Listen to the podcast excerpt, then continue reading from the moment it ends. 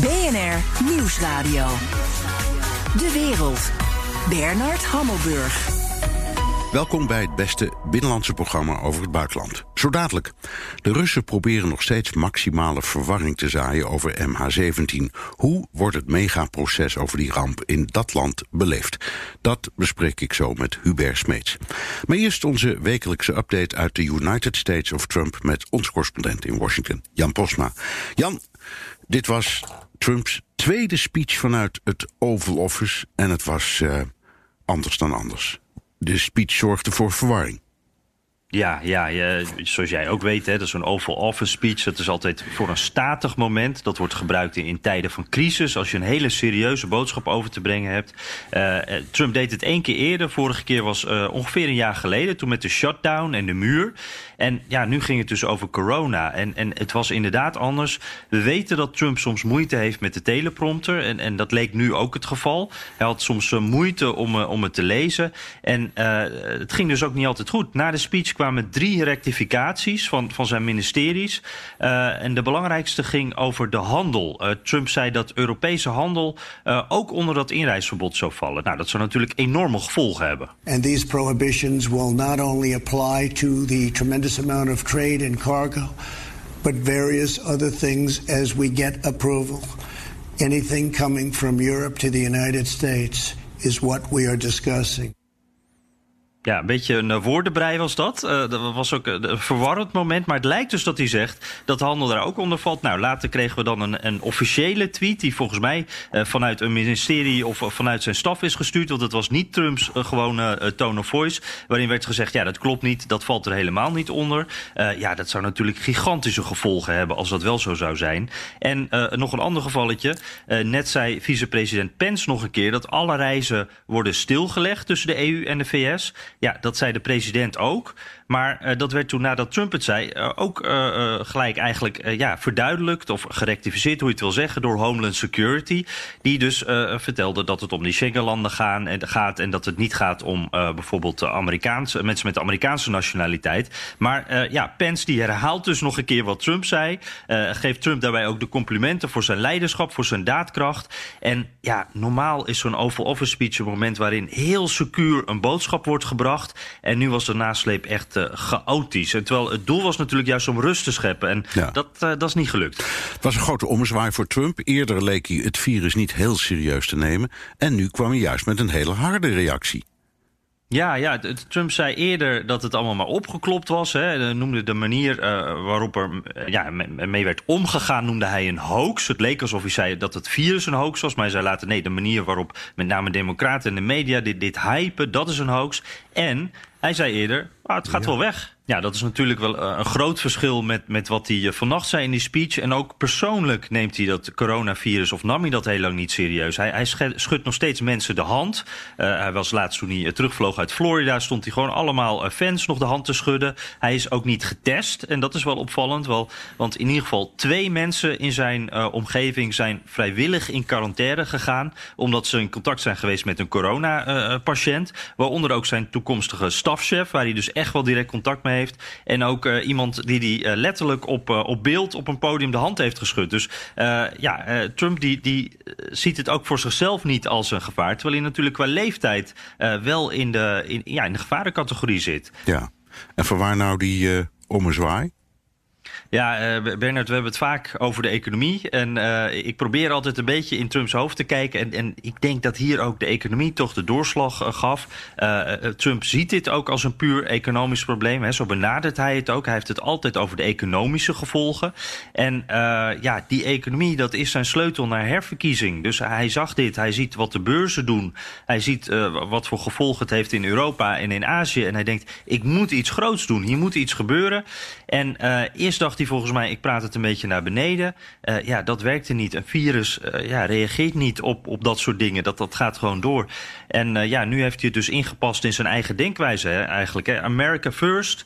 Dit is een gevaar van buiten. Hij noemt het ook een buitenlands virus. De grenzen moeten dicht, zo houden we dat gevaar buiten. Maar ondertussen uh, ja, is dat gevaar natuurlijk al lang het land binnengekomen. Ja. Dus uh, ja, ook dat lijkt niet het juiste medicijn. Dankjewel, Jan Postma, ons correspondent in Washington. En wilt u meer horen over dat fascinerende land? Luister dan naar de Amerika-podcast van Jan en mij. BNR Nieuwsradio. De wereld.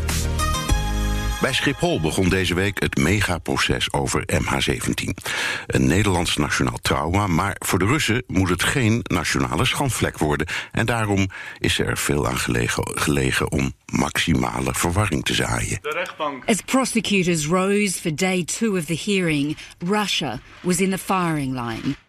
There are strong indications that the Russian government is keen to thwart this investigation and is not shying away from the deployment of Russian security services. They came out swinging, accusing Russia of a textbook misinformation campaign and casting a dark cloud over the court process.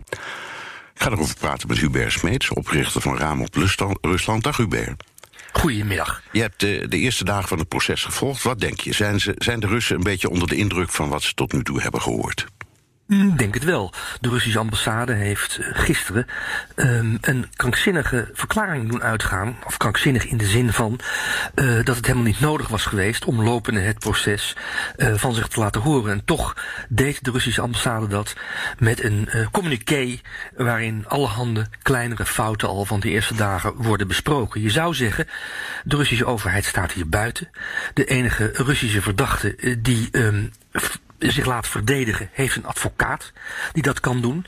Maar nee, toch vindt de Russische regering het nodig om lopende het proces al na twee dagen commentaar te leveren. En dat wijst erop dat de Russische regering toch onzeker is over de, ja, op, over, de, over het eigen imago. Hoe, hoe komt Rusland er straks uit? De, de Nederlandse uh, justitiële autoriteiten hebben het heel systematisch aangepakt. Hè? Stap voor stap, plakje voor plakje wordt die worst afgesneden. En het argument van de Russische autoriteiten tot nu toe was dat het allemaal niet deugde, dat het vooringenomen was. En nu blijkt, denk ik, ook in Moskou, dat de, uh, het Openbaar Ministerie in Nederland toch echt wel een dagvaarding heeft om u tegen te zeggen. Ja, ja. Dat, dat is een, nou, ik zou maar zeggen, een omslag. Althans, iets wat we niet eerder hebben gehoord of op deze manier zo begrepen. Die verdediging waar je het over hebt, um, dat is Boudewijn van Eyck en Sabine ten Doeschaten. Dat zijn de advocaten van uh, die ene uh, verdachte. Uh, en die zeggen, we hebben een enorme informatieachterstand op het OM. Want OM weet heel veel. En in het recht is het gebruik om dat allemaal te delen met de verdediging. Dat ze willen 36.000 pagina's willen ze kunnen, kunnen doorspitten. Dat lijkt, eerlijk gezegd, vanuit Russisch perspectief niet zo'n raar argument. Hè? Nee, want, want, ze, kun, want ze kunnen zeggen, ja, op deze manier is het proces niet eerlijk. Nee, dat is, uh, dat is ook geen raar argument. En tot nu toe heeft het Openbaar Ministerie en ook de rechtbank niet gezegd dat er geen sprake van kan zijn dat de verdediging uh, tijd krijgt om dat, uh, om dat, ja, dat hele dossier door te spitten. je zou wel kunnen zeggen, maar dat is geen juridisch argument, hè, let wel. Dat is een meer of min of meer politiek argument vijf en half jaar lang, bijna zes jaar, heeft de Russische regering elke betrokkenheid van zichzelf of van andere Russen bij dit proces ontkend.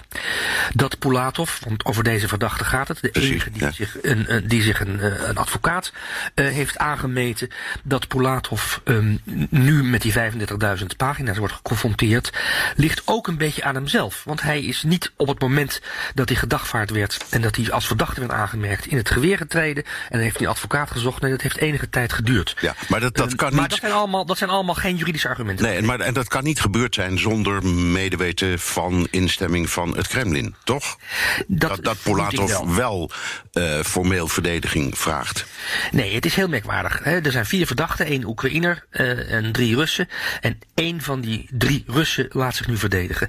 En die, de verdediging wordt ook betaald. Hè. Dat doen de twee Nederlandse advocaten en ook de Russische advocaat die op de achtergrond zit, maar niet mag optreden voor de Nederlandse rechtbank, maar wel in het verdedigingsteam zit. Die doen dat niet voor, natuurlijk niet gratis en voor niks. En de, de Nederlandse advocaten hebben ook gezegd dat er een Russisch fonds is opgericht. Maar konden niet zeggen wat voor type fonds dat was. Was het een fonds wat door crowdfunding was opgericht, hè, waar patriotische Russen eh, hun spaarcentjes in stoppen? Of is het een fonds wat bij elkaar gesprokkeld is, min of meer onder auspiciën van het Kremlin? Dat laatste ligt voor de hand. En dan is de volgende vraag natuurlijk, waarom Ja. wil het Kremlin die ene verdachte wel verdedigen en Precies, de andere twee ja. niet? Weet het niet. Er zijn een paar eh, varianten denkbaar. Een variant kan zijn eh, dat men toch een beetje wil kijken hoe dat proces gaat lopen de komende jaren. Hè, want het is echt niet in een paar maanden voorbij. En dat men op die manier de vinger aan de pols wil houden. Omdat in Rusland men wel voelt, ik heb met, met men bedoel ik natuurlijk het Kremlin en alle onderafdelingen van het Kremlin dat men in Rusland ook wel ziet dat de manier waarop in Nederland dat wordt aangepakt, zowel door het OM als door de rechtbank Den Haag, ehm, eh, voor de Russische verwijten aan het Nederlandse adres, dat Nederland vooringenomen is, et cetera, ehm, eh, niet echt een bevorderlijke, eh, bevorderlijk is. Hè? Dat de Russen op achterstand staan als het gaat om de publieke opinie. Als het gaat om de, de, je zou kunnen zeggen, de strijd om de internationale gemeenschap. Die een oordeel uiteindelijk ook gaat vellen op basis van het vonnis van de rechtbank. Manier, op die manier een, een, een vinger aan de pols wil houden. Het kan zijn dat ze één advocaat naar voren geschoven hebben en één verdachte dus laten verdedigen om eh, zand in de machine te strooien. Ja. Om, eh, omdat er nu inmiddels nu een Russisch advocaat daar mede in de rechtbank zit, met alle pogingen gaat aanwenden om te vertragen. Uit te stellen, et cetera. Ja. Dat zou het ook kunnen zijn. En het derde argument zou kunnen zijn dat men eh, gewoon inzicht wil hebben in het hele dossier, in het hele proces. Om op die manier, Ja. om het maar even in spionagetermen te zeggen, die informatieposities op orde te Ja, oké. Er is één ding wat eh, verwarrend is. Ehm, er is toenadering tussen Rusland en Oekraïne. Er zijn, er zijn in de afgelopen periode drie keer krijgsgevangenen uitgewisseld. Daar zat er ook één bij die getuige was in dat MH17-onderzoek. Daar was Nederland eigenlijk heel boos over. Ehm, en de, internationale gemeenschap, naar mijn idee, denkt... nou, het gaat eigenlijk wel wat beter tussen Rusland en Oekraïne. Is het niet zo dat Nederland door deze ja, toch unieke positie met N- MH17... ook in de wereld een beetje alleen staat? Nou, tot nu toe eh, is daar geen sprake van. Het eh, internationaal onderzoeksteam, het JIT, heeft vlak voordat eh, de rechtszaak begon op Schiphol besloten om door te gaan. En om ook om alle partijen erbij te houden. Alle verschillende landen erbij te houden. En een van de landen die dus doorgaat met het onderzoek, met het internationaal onderzoeksteam, het JIT, is Maleisië. En Maleisië was de zwakke schakel in het hele Ja, proces. precies, want die riepen eerst een tijdje lang... nou, misschien is het bewijs tegen de Russen niet 100%, maar die zijn dus gedraaid. Nou, in ieder geval zou je kunnen zeggen dat de Maleisische justitie volhoudt dat het JIT een nuttige taak vervult en belangrijk werk ook verricht. De premier van Maleisië was degene die de stoorzender was, Ja. Eh, maar die is sinds kort geen premier meer. Nee, zo is dat. En dat zou best eens invloed kunnen hebben Ja. op eh, de positie van Maleisië. Even over eh, Raam op Rusland, waarvan jij een van de oprichters bent, heeft een eigen onderzoek gedaan onder Russen over MH17. Ehm, vertel, hoe denkt de, Rus nou over dit verhaal? Even voor de goede orde, het onderzoek is natuurlijk niet door ons verricht. Wij hebben het begeleid, maar het is uitgevoerd door het enige onafhankelijke sociologische researchbureau van eh, Rusland, Levada Centrum. Dat is een niet-gouvernementele organisatie die de publieke opinie in Rusland permanent peilt. En wij hebben Levada gevraagd om de eh, representatieve steekproef van volwassen Russische burgers te vragen. eh, bijvoorbeeld, wie heeft het gedaan? De MH17 uit de lucht schieten. En dan blijkt dat 60% van de Russen eh, het verhaal van het Kremlin volgt. En van mening is dat het de Oekraïners zijn geweest die eh, de MH17 hebben neergeschoten. Maar interessant is wel dat 10%, en dat is vijf keer meer dan vijf jaar geleden. Het is nog altijd maar 10% hoor. We moeten niet overdrijven. Maar 10% van de respondenten in dat onderzoek zegt: nee, wij zijn het zelf geweest. Russische vrijwilligers, pro-Russische rebellen in Oost-Oekraïne, of misschien zelfs wel de Russische krijgsmacht. Dat is toch interessant. En ook interessant is dat 25% van de respondenten in dat onderzoek zegt van ik weet het niet. Val me er niet meer lastig. Ik wil mijn vingers er niet aan branden. Nee. En dat is een heel hoog percentage. Ja, heb je- het is- percentage is- van mensen die het niet weten. Is, ja, zit in dat onderzoek ook de vraag of eh, mensen uh, inderdaad geloven dat het een Russische boekraket was. Nou bestaan er volgens mij alleen maar Russische boekraketten. Maar goed, je begrijpt de vraag. Ja, nou wij hebben gevraagd wie heeft het, wie heeft het ding neergeschoten. Ja. Uh, en, en, en de antwoorden daarop waren uh, zeer uitgebreid. Ze konden zeggen Oekraïnse vrijwilligers, de Oekraïnse luchtmacht, Russische vrijwilligers, et cetera, et cetera. Het woord boek hebben we niet gebruikt in, in de vraagstelling. We hebben wel gevraagd, en dat is echt interessant, vindt u dat, um, vindt u dat de Russische regering um, smartengeld zou moeten betalen? We hebben twee varianten voorgelegd. De eerste variant was, om het een beetje oneerbiedig over onze eigen Nederlandse cultuur te zeggen, een, een, een handeltje. Vindt u een, een onderhuidse deal, om maar, onderhandse deal om maar zo te zeggen. Vindt u dat de uh, Russische regering smartengeld moet betalen in ruil voor het opheffen van sancties tegen Rusland door Nederland? Ja. En dan was echt uh, bijna twee derde van de Russische bevolking. Nee, daar kan geen sprake van zijn. Want smartengeld betalen in ruil voor het opheffen van sancties. dat komt neer op schuld, beken schuld bekennen. En daar doen we niet aan. Nee. Vervolgens hebben we de vraag gesteld. Oh, sorry. Ja, nee, nee, ga ik wil een vraag stellen. Vervolgens hebben we de vraag gesteld. Je zou kunnen zeggen, een beetje een principiële vraag.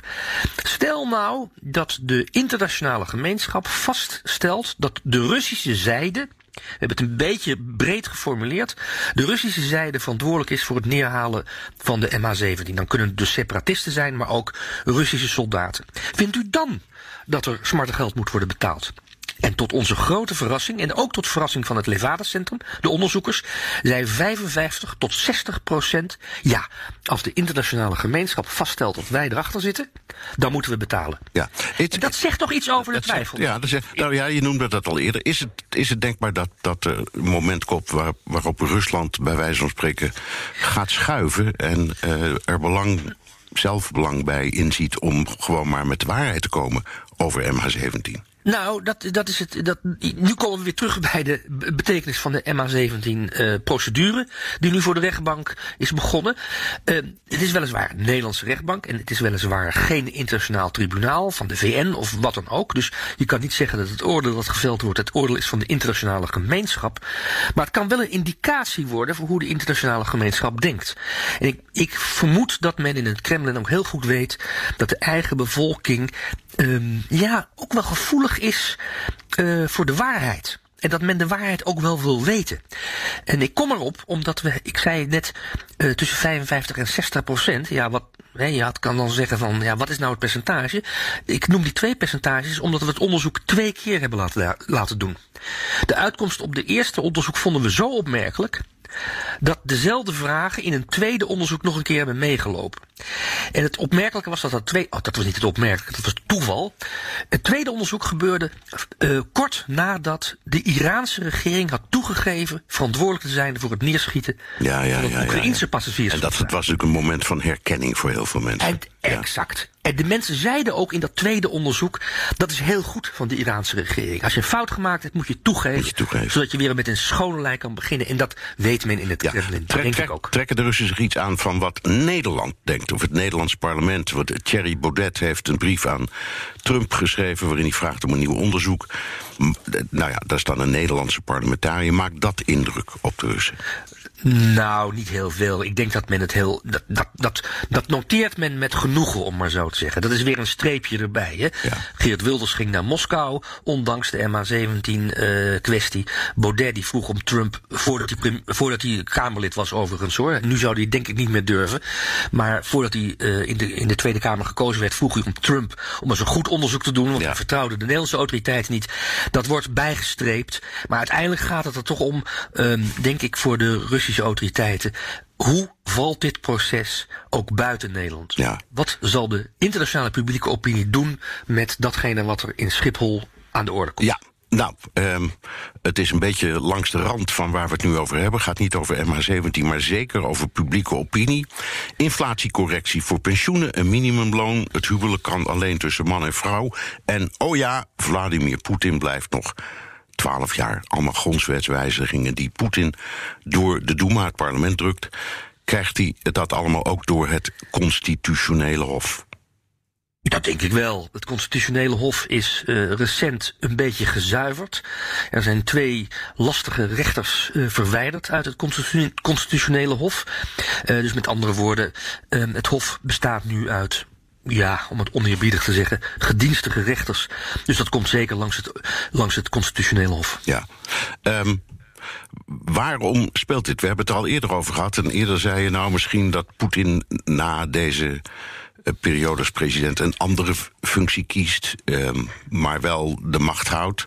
Maar dit is veel meer recht voor zijn raap, zal ik maar zeggen. Wat speelt ja, hier? Nou ja, ja, dit is trouwens overigens wel het bewijs dat al die voorspellingen van mensen zoals ik er over het algemeen niet zo ontzettend veel toe doen. Want ik geef toe, ik heb bij jullie gezegd, nee, ik denk dat hij een stap opzij doet om toch de macht te houden, maar iets minder hard te hoeven werken. Ja. Maar dat gebeurt dus kennelijk niet. Uh, mijn, ja, hypothese nu is dat er intern binnen de uh, machtselite van het Kremlin gewoon geen duidelijkheid is wie het dan zou moeten gaan doen. Formeel, het presidentschap, één. En twee, dat die machtselite elkaar onderling ook niet vertrouwt. En dat men dus uh, druk heeft uitgeoefend uh, op allerhande uh, allerhande instellingen in Rusland en zeker ook op de president. Blijf het doen, want anders maken wij ongelukken. Uh, ik geloof niet eerlijk gezegd dat wat er deze week uitgekomen is. Hè, Poetin heeft voor het parlement gezegd: ik, uh, ik wil nog uh, een vijfde termijn op en misschien ook nog wel een zesde. Um, ik denk niet dat dat al een paar maanden geleden helemaal bedacht was. Ah, dus, dus, dus het was niet zo dit, dat jij je vergiste. Hij wist het op dat moment zelf ook nog niet. Ja, ja als ik dat nu zou zo zeggen, nee, dan klinkt het ontzettend brutaal voor iemand die een nou, maar, voorspelling nou, heeft maar, gedaan, maar, maar, het klinkt niet onwaarschijnlijk. Dat het is niet onwaarschijnlijk, nee. precies. Um, en ook de manier waarop het ging afgelopen week was. Uh, er, zat een, zat een element in van, je zou kunnen zeggen, opportunisme. Poetin zei bij de, uh, bij de toespraak, in de toespraak voor de Duma, bijvoorbeeld dat het nodig was om de macht in Rusland te consolideren en stabiliseren, mede vanwege het coronavirus. En daarmee gaf hij aan dat de gedachte, de redenering om in 2024 nog voor een vijfde keer op te kunnen voor het presidentschap ook een beetje ingegeven is door de ontwikkelingen internationaal die op dit moment spelen. En die speelden een paar maanden geleden nog niet. Nee. Maar wat bedoelt hij dan te zeggen? Uh, met, uh, hij, hij, bedoelt, hij, bedoelt hij te zeggen, zoiets als zo'n grote crisis met, met corona, dat kun je alleen maar beheersen met een hele sterke hand en dat ben ik? Dat, dat bedoelt hij te zeggen. Ja, uh, maar ik, maar ik zie, ik zie in Rusland nog niet zoveel gebeuren, eerlijk gezegd. Qua, qua corona? Ja. Ja, nou, ik, ik, dat, dat is waar. Sterker nog, er zijn zo weinig coronagevallen uh, in Rusland dat je gaat denken, uh, kloppen de statistieken wel? Het kan toch niet zo zijn dat er, dat, dat, dat, ja, dat heel Rusland, het grootste land ter wereld. Jawel, maar er wonen, er wonen maar 140 miljoen mensen. Dus het is, het is niet, er wonen niet heel veel mensen. Dus. Nee, dat is waar. Maar het is toch, 140 miljoen is nog altijd meer dan in dat Gallische dorpje woonde. Ja, Asterix en Obelix. Zo is dat. Dus het is, ja, dus, dus het is toch merkwaardig om, om ik, ik denk eerlijk gezegd dat er, uh, dat er wel degelijk problemen zijn. Dat, dat blijkt ook wel uh, bijvoorbeeld uit cijfers van vandaag. Dat in, uh, in Petersburg is net bekendgemaakt. Um, zijn er nu meer dan 1100 patiënten onder permanent toezicht van de dokter. Er is nog niet gezegd dat ze het coronavirus onder de leden hebben. Maar ze staan wel onder controle van de medische, medische wereld. En ik denk dat we de komende dagen heel veel van dit soort berichten gaan horen. Ja. Ook uit Rusland. En dan tenslotte, via deze omweg, krijgt Poetin ook bij zijn volk voor wat hij wil. Hij heeft natuurlijk de Duma in de hand en dat constitutionele hof in de hand, maar krijgt niet voor elkaar. Ja, uh, dat is de grote vraag. Hij zal ongetwijfeld herkozen worden in 2024 als het speelt. Ik denk niet dat er op dit moment heel veel protest zal komen tegen deze staatkundige, constitutionele poets, zeg maar, die hij gepleegd heeft. Nee. Um, uh, en, en, voor het geval dat er protest zou komen, dan heeft de burgemeester van Moskou voor de zekerheid de komende maand alle bijeenkomsten waar meer dan 5000 mensen kunnen zijn verboden vanwege het coronavirus. Toch een geluk bij een ongeluk voor de autoriteiten in, uh, in, in Rusland. Um, maar de vraag is of, de, of het enthousiasme wat hij had een paar jaar geleden, of hij dat kan volhouden. En dat denk ik eigenlijk niet. Ik denk dat de apathie onder de Russische bevolking te groot is om nog, je zou kunnen zeggen, een beetje schwung te geven aan dat vijfde en misschien zelfs zesde presidentschap van Rusland. Tot 2036 kan hij president zijn. Ja. Dat, is, dat is langer dan Peter de Grote. Dankjewel, Hubert Smeets, oprichter van Raam op Rusland. En tot zover BNR De Wereld. Terugluisteren kan via de site, de app, Spotify of Apple Podcast. Reageren kan via mailtje naar dewereld.bnr.nl. Tot volgende week.